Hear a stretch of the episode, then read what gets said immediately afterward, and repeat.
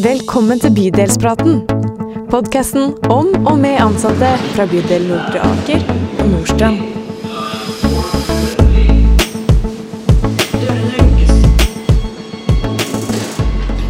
Hei og velkommen til podkasten Bydelspraten. Jeg heter Øyvind Henriksen og er bydelsdirektør i Nordre Aker. Og sammen med meg har jeg Tore Andresen, som er bydelsdirektør i Nordstrand. Ja, og vi, eh, vi har satt oss på T-banen igjen, vi, for vi vi. er jo på en eh, evig reise. Det er vi. Og eh, det har vi tenkt å snakke litt om. Ja, og så er det jo sånn at både din og min bydel er ganske like på mange måter. Og da er det spennende å snakke med folk som betyr noe for våre brukere. Og Ja. det som er egentlig intensjonen vår med denne praten, er jo å hente opp noen ressurspersoner som står litt spesielt fram. Som er-.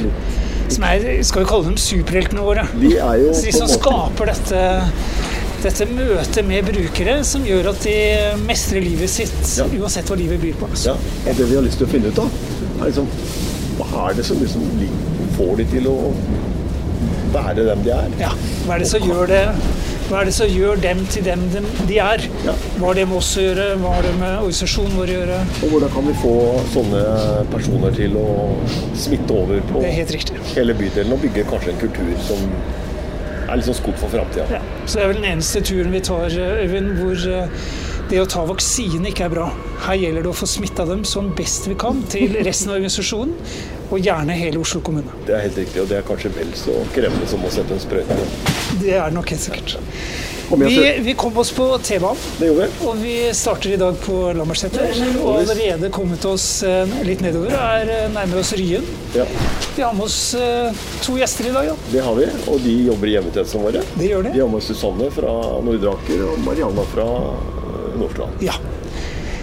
Og da kan vi vel starte med å spørre litt, eh, Susanne. Hvem er du? Det er det viktigste spørsmålet du kan stille eh, sånn eh, med en gang.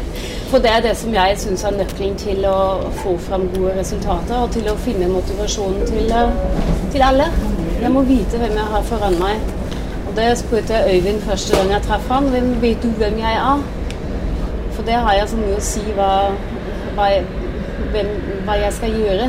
Hvordan folk skal gjøre meg til å, til å gjøre det de vil. Um, så bruker jeg alltid et fint eksempel, og det er hvis, uh, hvis, noen skal prøve til å, hvis noen skal prøve å få meg til å løpe maraton, så kommer ikke det til å skje, for jeg liker ikke å løpe. Jeg liker å svømme. Sant? Så det er, det er da, da må noen prøve å motivere meg til svømming og ikke til løping. Og det er det som jeg syns er viktig med brukerne.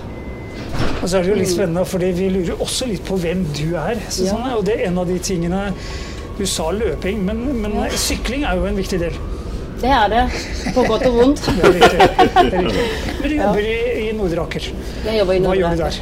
Jeg jobber som fysioterapeut i et mestringsteam. Vi er organisert eh, som tverrfaglige team, fordelt på forskjellige områder. Og jobber veldig tett sammen. Det vil si at hjemmesykepleien, vi, eller terapeutene, eh, sitter sammen med hjemmesykepleien veldig tett på og diskuterer brukerne våre tverrfaglig hver dag. Spennende. Det, mm. Og vi skal høre mer om hvordan det virker. Ja, men vi må jo hilse på din medarbeider òg. Er Hei, hei, jeg er Marianna. Jeg er seksjonsleder i Mestring Nord i bydel Nordstrand. Eh, sykepleier og mamma. Eh, og sunnfjording. Så jeg har eh, mange fantastiske kolleger som gjør en forskjell i hverdagen. Eh, og min gruppe er bestående av fysioterapeuter, ergoterapeuter, saksbehandler, fagsykepleier, sykepleiere, hjelpepleiere, omsorgsarbeidere og ikke minst praktisk bistand-ansatte. Fantastisk tverrfaglig sammensatt gjeng. Det vi jo er litt opptatt av når vi har tatt med dere på denne turen, det er jo, uh, iallfall når jeg snakker med deg, Susanne, den, hvordan skal vi liksom sørge for at vi vil jo at alle våre brukere skal være på sitt optimale mestringsnivå til enhver tid. Og da sa du jo noe om det å ta utgangspunkt i hva er det brukeren vil.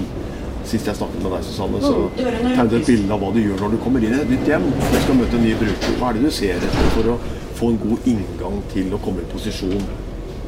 Jeg kommer jo ofte som fysioterapeut, og det er ikke alle som er like motivert til å trene med en gang, så jeg er egentlig veldig tilbakeholdende ved første, de første besøkene mine. Jeg bruker dem virkelig til å bli kjent med folk. Og da bruker jeg øynene, sier rundt i leiligheten. Um, prøver å si hva folk har på seg, om det henger noen diplomer på veggen, uh, medaljer i skapet. Litt sånne ting. Og så begynner vi å snakke om de tingene jeg ser. Står det en piano i stua, så spør jeg oi, spiller du piano? Eh, har du spilt fotball? Jeg har vært på både en mann som var ganske sta, f.eks., som ikke skulle ha noe trening og ikke skulle fortelle hva han skulle gjøre. Men så fanga jeg opp et lite skeivmerke som hang på veggen. Og så fortalte han at mine barn spiller fotball på Skeiv. Og da var det noe helt annet. Da fikk jeg lov å sette meg ned, og han var veldig motivert til å høre hva jeg hadde å si. Og det var inngangsdøren til han, da. Hvor, hvor, hvorfor spør du sånn? Hvorfor, uh, hvorfor møter du brukere på denne måten? For jeg, jeg møter brukeren på den måten, for det er den måten jeg hadde hatt lyst til å bli møtt selv. Så jeg bruker gjerne den sant? Det er Så spennende. det, det er jeg Nå kommer jeg ikke på hva hun heter, da. Ja, men det er et spennende perspektiv, for jeg Ja. har, sånn, jeg har en sånn eh, hva skal jeg si, en slags teori. Den er ikke forskningsbasert. Men det er så rart. Når vi kommer inn som profesjonelle, så har vi en sånn tendens til å være noe annet enn å tenke på at de jeg møter, er jo litt som meg selv. Ikke sant? Du sier jeg vil gjerne møte de sånn som jeg ville bli møtt. Hvorfor er det så vanskelig å tenke sånn når man kommer inn som fagperson? Yes, ja, det, det, det er akkurat det. Jeg tenker at Med en gang helsevesenet kommer inn, så ser vi pasientene foran oss, mens jeg prøver å si personen foran meg. Og der på Facebook har det blitt delt et sånt fint, noen fine bilder hvor man ser eldre folk som ser inn i et speil, og så ser du i speilet personen da de var unge. Ja. Så jeg tenker alle har hatt et langt liv, og, og alle har, har en personlighet. Og det er ikke brukerens oppgave å tilpasse seg helsevesenet, det er min oppgave å tilpasse meg brukeren. Det syns jeg er veldig, veldig viktig. Hva tenker du om dette, Marianne? Jeg syns det er helt fantastisk. Ja. For et perspektiv, altså. Dette her er, det er jo akkurat sånn jeg tenker at eh, Jeg håper at mine ansatte også eh, gjør når de møter en bruker. Eh, jeg tenker at sånne personer Altså, det er viktig med det, det, det, En av de viktigste tingene jeg tenker som leder, er at jeg må kartlegge og se hva slags personer jeg har på jobb, altså ansatte med personer. Hva de er gode på, spiller de gode på det. eh, Og at jeg eh, ser, eh, tar de med meg på den reisen jeg ønsker at vi skal eh, ta i lag. Eh, Så vi har jo eh, også fått eh, gjort mye endringer i vår bydel de siste årene. Og det, jeg har vært opptatt av at alle skal vite hvor vi er på vei. Og det innebærer at det, er, det blir mye informasjon, det blir mye visjon, men også at man er med på å påvirke den reisen. Eh, og jeg tenker når man får lov til å påvirke, og man blir hørt og sett, så er man med på det som skjer. Veldig, og så er det viktig å ha vis- visjoner, eh, både for de ansatte og for brukerne. Men hvis man ikke har noen mål, ikke visjoner, ikke noen drømmer eller ønsker, så, så står man stille. Så man må ha et mål som man kan eh, følge, eller en vei man kan følge til et mål. Jeg tenker at eh, man må våge å tett, gå tett på ansatte eh, og se hva, hvordan man jobber og hva man gjør, og hvor man er på vei. Fordi altså, det å sitte, altså, sitte på et kontor og taste, det, det fører liksom til ingenting. Men å være med og se på hvordan man eh, jobber eh, sammen, ikke minst, det er jo veldig veldig viktig. Så med en gang jeg får jeg, muligheten til det, eller det, hvis det er det jeg driver eh, mye av, det er jo å prøve å møte mine ansatte så ofte som jeg klarer å være tett på. Dere sier jo noe om at det, at det inspirerer, motiverer, gir energi og, Ja. og, og, og, skulle et sted. Og da er liksom, hvor, hvor skal vi hen, da? Vi har jo fanget dere ut fra reisen deres og tatt dere med på T-banen. Men hvor, hvor skal dere vi hen med, med den hjemmebaserte omsorgen, med eldreomsorgen? Hvor er vi på vei hen, da? Hvordan, Jeg er så glad du sier òg hjemmebaserte. For når vi hørte det du uttrykk med heimesykepleien Vi heter Mestring og omsorg i dag. vi eh, har gått, vi har liksom vært litt sånn opptatt av et språk også som et felles språk for oss og uten våre brukere. Eh, og at vi er under liksom det der nye på en måte, navnet, så er vi samla. Eh, og vi har jo det aller største jeg tenker er jo det brukerfokuset som også jeg innehar. Og tenker at uansett hva vi gjør, så er, skal det være til hensikt og med omtanke for bruker. Eh, så det er alt vi gjør. Det, det, jeg tenker at det er den største drivkraften man har, er jo på en måte å tenke på hvordan er det brukeren skal få det med våre tjenester. Eh, og den brukeren er i endring, og det betyr at vi også må endre oss etter bruker. Ja, jeg må gjøre. Altså, jeg, er liksom, jeg er helt enig i det du sier, men jeg tenker at det med hjemmesykepleie passer også for noen. Man må ikke glemme det helt vekk. For mestring altså Alle kan mestre, og alle kan eh, gjøre det så godt de kan, men pleie er viktig òg. Så man går helt vekk og helsemestring og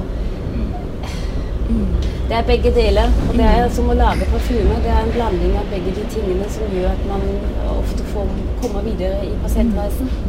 For er det ikke sånn at du du skal mestre livet som best du kan, gitt forutsetningene, men i det kan du trenge pleie. Du snakker litt om, eh, om tverrfaglighet. Dere har nevnt det begge to. Hva, hva, betyr det egentlig? Og hvordan får dere tverrfagligheten til å virke? Det som jeg tenker, og det som jeg, jeg følte at jeg fikk en fantastisk gave når eh, vi ble sammensatt med i lag med fysioterapeuter og ergoterapeuter, og ikke minst saksbehandler, og at Gud, tenkte jeg. Altså, dette var helt eh, akkurat det jeg trenger for at brukeren skal bli sett i, i sin helhet. Og ikke minst vurdert. Og sånn som vi snakka litt eh, eh, sammen, så tenkte, så sa du det så bra, Susanne, at det er så interessant å se hvordan man vurderer brukeren. Altså at man, når man går ut i lag, mm. så har man egentlig forskjellige vurderinger, men vi nærmer, altså vi, vi nærmer oss bruker likevel med, med våre mål, samme målene, men at man vurderer de likevel forskjellig. Og jeg tenker at det er akkurat det man trenger, flere vinkler inn mot brukeren for å liksom, gi best mulig tjenester til, til denne brukeren. Ja, er det ikke litt sånn at eh, Det er jo derfor vi lager disse tverrfaglagene. At eh, du som fysioterapeut har ett blikk, du som sykepleier har ett blikk. Mm. Og når vi setter sammen de blikkene, så får vi et mer helhetlig bilde av Det er helt avgjørende for å få gode resultater. Mm. Jeg sa det innledningsvis. Jeg hadde først en jobb hvor jeg jobbet veldig tett sammen med ergoterapeuten. Hvor vi fikk utrolig mange gode resultater. Også det var funksjonsevnene. Jeg har også etter hvert i et mestringsteam eh, i forhold til hverdagsrehabilitering på Stovner. Eh, hvor vi alltid gikk tverrfaglig og tok eh, kartleggingsbesøk. Og det var så gøy, fordi man har forskjellig fokus, og man ser ting på forskjellige måter. Og sammen, når man snekrer sammen de to blikkene, så det er liksom fire øyne ser mer enn to, så fikk vi helt fantastiske resultater. For man ser ting på en annen måte, og det er utrolig mange diskusjoner på, på vårt lag. Eh, som klassisk eksempel kunne vært at eh, pleierne tidligere kom og ønsket en toalettforhøyer til en bruker. Eh, og da kaster jeg fysioterapeuten seg på med en gang hos oss. Ja, hvorfor det? Og han kanskje bare svak i beina. Kanskje vi kan heller sette opp et treningsprogram. Ja.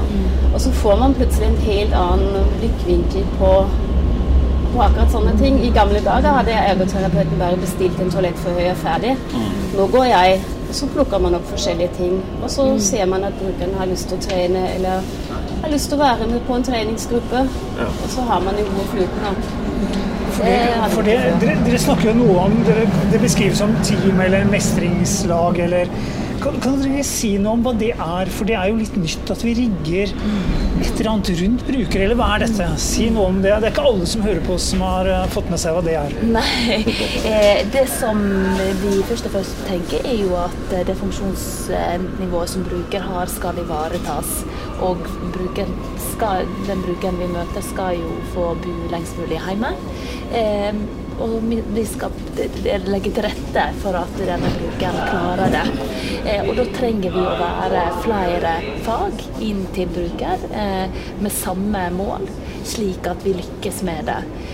Og slik som vi er hos på Nord, så har jo vi tre forskjellige lag som betjener på en måte nord om Nordstrand.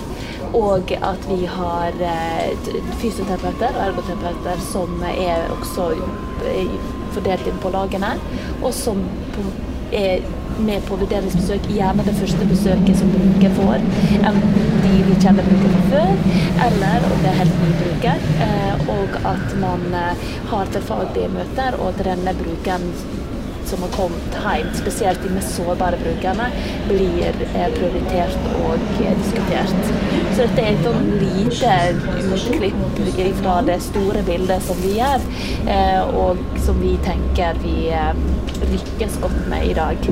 Eh, vi ønsker jo, som ønsker jo selvfølgelig for enda flere terapeuter.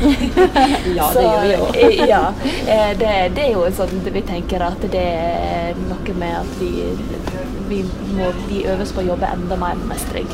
Det er jo det som vi Det som har blitt veldig fint hos oss da, når man sitter på disse mestringla- så blir man veldig godt kjent med, med sine brukere, eller med brukerne som bor i sitt område. Um, og vi har organisert oss slik, i hvert fall på vårt lag, at det må ikke være fagkonsulenten eller sykepleieren som f.eks. går på et oppstartsmøte på de helsehusene. Eh, Hvis jeg som fysioterapeut kjenner brukeren fra før, så møter brukerne altså flere ganger folk de har sett tidligere. Så de arbeidsoppgavene som var skal si, de var mye mer definert tidligere. Nå er det, er det disse grå soner som finnes mellom ergo og fysioterapi, eller mellom kartleggingene. De, de fordeler vi ikke lenger etter, etter yrke, men etter hvem som kjenner brukeren best. Ja. Og det skaper trygghet. Eh, og det setter brukerne veldig stor pris på. At eh, fysioterapeuten de har sett Ja. før kommer på et vurderingsbesøk på sykehuset. De blir så glad å se et kjent ansikt og ikke en fremmed person til som de må forklare sammen. Så jeg pleier å si at disse tingene som man bare tenker som det var tidligere før vi ble omorganisert. Så tok da først eh, fagkonsulenten et oppstartssamtale eller en kartleggingssamtale. Så kom da hjemmesykepleieren inn og stilte de samme spørsmålene om igjen. Så kom kanskje ergoterapeuten og spurte halvparten av de samme spørsmålene. Og i worst case så kom fysioterapeuten en uke etterpå og stilte akkurat de samme spørsmålene. Så jeg møter ofte folk som nesten blir forbanna på meg. Hvorfor er det så mange som stiller de samme spørsmålene? Jeg har svart på det tre ganger før. Det skjer ikke lenger hos oss. Altså. Det er en som tar oppstart, og så leser de andre seg opp. Og så slipper jeg å bruke disse masete spørsmålene og snakker om det samme om og om igjen. Jeg er så enig i det du sier. Oh, Det er veldig bra tanke på at man eh, skal prøve å skape kontinuitet rundt bruket. Det er den kjerneoppgaven jeg tenker.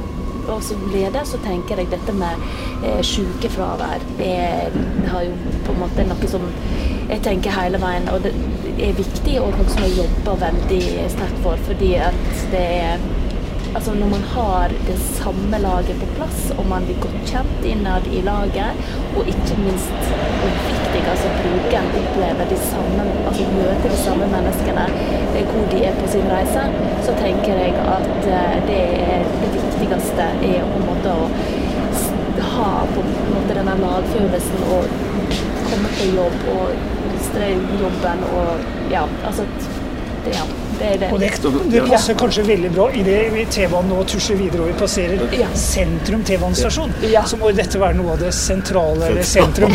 Ja. Eh, I forhold til ikke sant, hva, hva betyr dette så for brukeren? ser, du, du snakker om at dette betyr noe for oss som jobber her, ansatte, bekreftelse, mestring for ansatte. Hva tenker dere at dette har betydd for brukerne? At dere nå jobber annerledes? Det høres sånn ut. Det som var veldig stor forskjell fra før til nå, det er at brukerne får med seg at vi snakker sammen. Man, brukerne vet at vi drar i samme retning. Og bruker, du har, man har jo noen brukere som er litt lure òg, som eh, ikke gjør noe når hjemmesykepleien kommer og går i trappa eller går lang tur ut med fysioterapeuten. Det skjer ikke nå lenger. For brukerne vet, de vet at jeg snakker med hjemmesykepleien, og hjemmesykepleien vet at brukeren hjelpe, altså, eller gå en lang tur med meg. Da skjer ikke det lenger at hjemmesykepleien står og smører en brødskive samtidig som brukeren går en lang tur med fysioterapeuten. Sånn har det vært litt før. Det er nesten sånn som oppdragelse når vi har unger, at vi er, mor og far må være enige om hvordan Det- vi Ja, skal det snakke er sammen. et veldig godt eksempel. Det er akkurat sånn det er. Det er helt utrolig. Men jeg har lyst til å låne ett perspektiv til før vi liksom skal begynne å gå inn mot eh, hva vi kan gjøre. Da. Men fordi at det, nå har vi snakket litt om tverrfaglighet og det at dere tenker sammen rundt brukeren. Men du, da jeg snakket med deg sist, Susanne, så var du også inne på det at du også tenker du, Dere får jo noen innblikk i brukere som ikke vi kan løse med våre folk. Hvor du jobber da med frivillighetssentral. Du, du kan koble på også andre ressurser i nabolaget. Si litt om det. Altså Det jeg har opplevd da jeg jobbet på Stovner i, i det prosjektet rundt hverdagsrehabilitering, der tok vi tall, vi tok oppstart og vi tok etter avsluttet hverdagsrehabilitering. Men vi tok også disse testene etter tre måneder. Og Da var det en veldig veldig tydelig skille mellom de folka som hadde fått oppfølging, enten via en eh, treningsgruppe eller frivillighetssentrale eller en besøksvenn. De hadde blitt enda bedre i alle disse testene. Mens de som ikke fikk noe tilbud, hvor rett og slett hjemmetjenesten gikk tilbake til vanlig tjeneste, de fallerte. De var nesten tilbake til start. Så jeg velger ofte å bruke en del av mine ressurser til å implementere. Og det er ikke nok å gi folk en brosjyre om Frivillighetssentralen eller fortelle folk at det finnes en treningsgruppe. Du går den første turen med det, du tar den den, med ja, det er som en stafettpinne, som et stafettlag. Jeg tar pinnen, følger brukeren til f.eks. Frivillighetssentralen, og så gir stafettpinnen videre til lederen på Frivillighetssentralen. Og så går det sin gang. Det er som en snøball som blir til en sånn snø- snøskred. Det får en veldig fin egendynamikk. Men det er jo litt spennende, for det ene er at du, du ser på det som et stafettlag. Du skal levere det over til noen som skal ta det videre, og du får mer igjen for det. Eller brukeren får mer igjen for det. Da er det jo litt sånn som vi skal litt innom òg. Eh, måte, hvordan kan vi legge til rette for at dette skjer? At ikke noen legger fra seg den stafettpinnen, men at vi sikrer at noen tar vare på det videre. Hva, tenker du på en måte om ledelse, og hvordan legger vi til rette for det? Hva skal Øyvind og jeg gjøre for at dette skal smitte og skje mer i bydelen, og gjerne i Oslo kommune? Det handler en del om ressurser, selvfølgelig. Man kan ikke liksom eh, unnlate å snakke om det. Eh, Jeg har hatt mange diskusjoner med forskjellige folk, med ledere, med kollegaer, hvorfor jeg velger å gjøre dette. Har du så god tid? Kan du kjøre med fru Johansen til eh, Frivillighetssentralen? Ja, fordi det, det handler om å bruke litt flere ressurser ved oppstart, og så sparer man de på slutten. Så det er min teori om det gjelder hjemmesykepleie eller fysioterapi. Det er at man må bruke tid og kvalitet. Og gjøre en innsats. Uten den innsatsen så, så drar man med seg folk lenge, og man får ikke de resultatene man ønsker. Hva tenker du, Mariana? Hva, hva skal vi gjøre for å få mer av dette?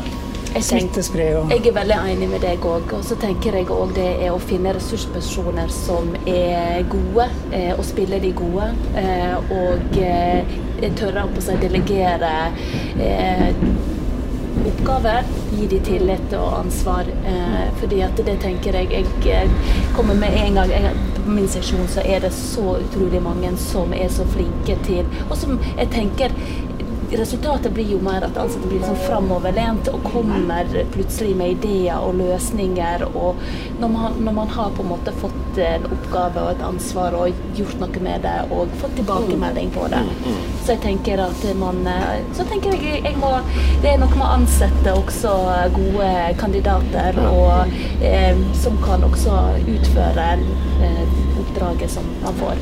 Du har jo snakket om at å utøve lederskap er å være nære. Yes. Mor Teresa tror jeg en gang sa om lederskap. Det gjelder å kjenne medarbeiderne sine Ja. og elske dem. Du holder på med det. Hva er det egentlig du gjør, og hvordan, hvordan kan vi få mer av det? Det er min favoritt eh, når jeg, når jeg er på seksjonen min og ikke sitter i møter, det er viktig, å vite, så er dette det favorittingen min å gjøre. Det er å bare Det er noen som sier at det jeg aldri sitter i den stolen på jobb, og da tenker jeg jeg trenger egentlig ikke nesten en kontorplass, fordi at jeg må være der de ansatte er. Og det som er litt spesielt, er jo at mine ansatte er jo ute, og den tida de er inne, den er kjempe, kjempeviktig. Så jeg eh, er utrolig interessert og vil vite hva de gjør, hvordan de gjør ting, og hvordan vi kan fortsette med den jobben vi gjør. Eh, informasjon og dette med at jeg har eh, klare tanker om instruksjon, og at jeg er meg sjøl hver dag. Det er nok ikke noen dager der jeg tenker nei, men dette vi har ikke lag i dag. I dag så bare skrur vi av. Vi slår av den knappen. Nå skal vi alle være før. Vi, jeg er meg sjøl hver dag, og eh, mine visjoner er der. Og jeg gjør sånn at de veit hva jeg, måte, De vet hva de kommer til når de møter meg òg. Det er kjempehyggelig å høre. Det er akkurat en sånn del som man ønsker seg. Det å bli sett og bli hørt, og at eh, man også kan si sin mening, diskutere ting. Det har vært en litt utfordring hos oss da, som vi begynte å jobbe så tett tverrfaglig som vi gjør nå. Så har det vært mange diskusjoner, for man får jo et litt sånn eierforhold til, til brukeren sin, Ja. eh, som man nå må dele med mange. Jeg tenker det, det er noe òg det å lederskap er jo å våge å stå i det som er tøft òg. Det våger å stå i en diskusjon. Fordi at selvfølgelig endringer og det som skjer i hverdag, det skaper diskusjoner, og man må stå i det og tåle eh, ta en diskusjon med ansatte. Men jeg tenker at diskusjoner er veldig bra. Jeg tenker det. det, det er ja. altså, Jeg tenker at en diskusjon, da får man fra meninger, man får mange gode ideer, man får fremdrift, og Ja. man blir kjent med hverandre, ikke minst. Ja. Folk vet hvem man Men så tenker er. jeg òg at man må få med seg de som kanskje ikke sier så masse heller. For jeg tenker at det, de kan også sitte med en del tanker og følelser, og, men kanskje ikke de sier det. Og jeg, jeg er nødt til å se disse menneskene òg. Eh, så det er noe med å behandle hele gruppa likt. Men som jeg sa til Tore òg, at jeg, jeg har 38 ansatte og jeg har 38 hatter. Det vil si at jeg har en samme visjon, en felles visjon, men jeg snakker med kanskje på 38 forskjellige måter fordi at jeg kjenner dem, eh, og jeg veit på en måte hvordan jeg skal eh, Det er bekjentskapen som har gjort det, da, men jeg veit hvordan jeg skal på en måte gå tett på. Så Det er akkurat det. ikke sant? Vi snakker om disse brukerne. Det er akkurat det. Er akkurat det. Alle er forskjellige. Man må møte folk da de er. Jeg var som jeg sa i går på en konsert med en av disse mestringssykepleierne på laget vårt. Hvor vi, hvor vi snakket om eh, Tenk hvis disse musikere en gang trenger hjemmesykepleien i forhold til en kontordame. Hvor forskjellig man må møte disse folka. Vi nærmer oss Ullevål stadion. Vi har vært på Forskningsparken, og det vi har gjort på den reisen, er jo å forske egen praksis. på en Absolutt. måte. Jeg blir jo utrolig inspirert av å snakke med deg, Susanne og Mariana, og høre hvordan dere jobber og tenker. Og Det er jo dette vi ønsker å få til, og jeg tenker at dette skal vi ta med oss videre. Ja. Vi skal gå inn for eh, landing. Vi kunne ha sittet og snakka til Vestli antageligvis, for dette er jo utrolig spennende. Eh, takk for at dere tok dere tid, og takk for at dere deler. Og Og det var så langt vi kom i denne podkasten. Vi skal vi på nye turer. det skal vi. Så vi sier hjertelig takk for dere. ja. Eh, Fortsett å gjøre jobben dere gjør. Eh, Vi skal som best vi kan bidra til at det smitter eh, videre i Oslo kommune, i bydelene våre. Og så kommer vi frem til Nydalen. Vi Mm. Vi. prates igjen. Det gjør vi. Ha det godt. Dørene lukkes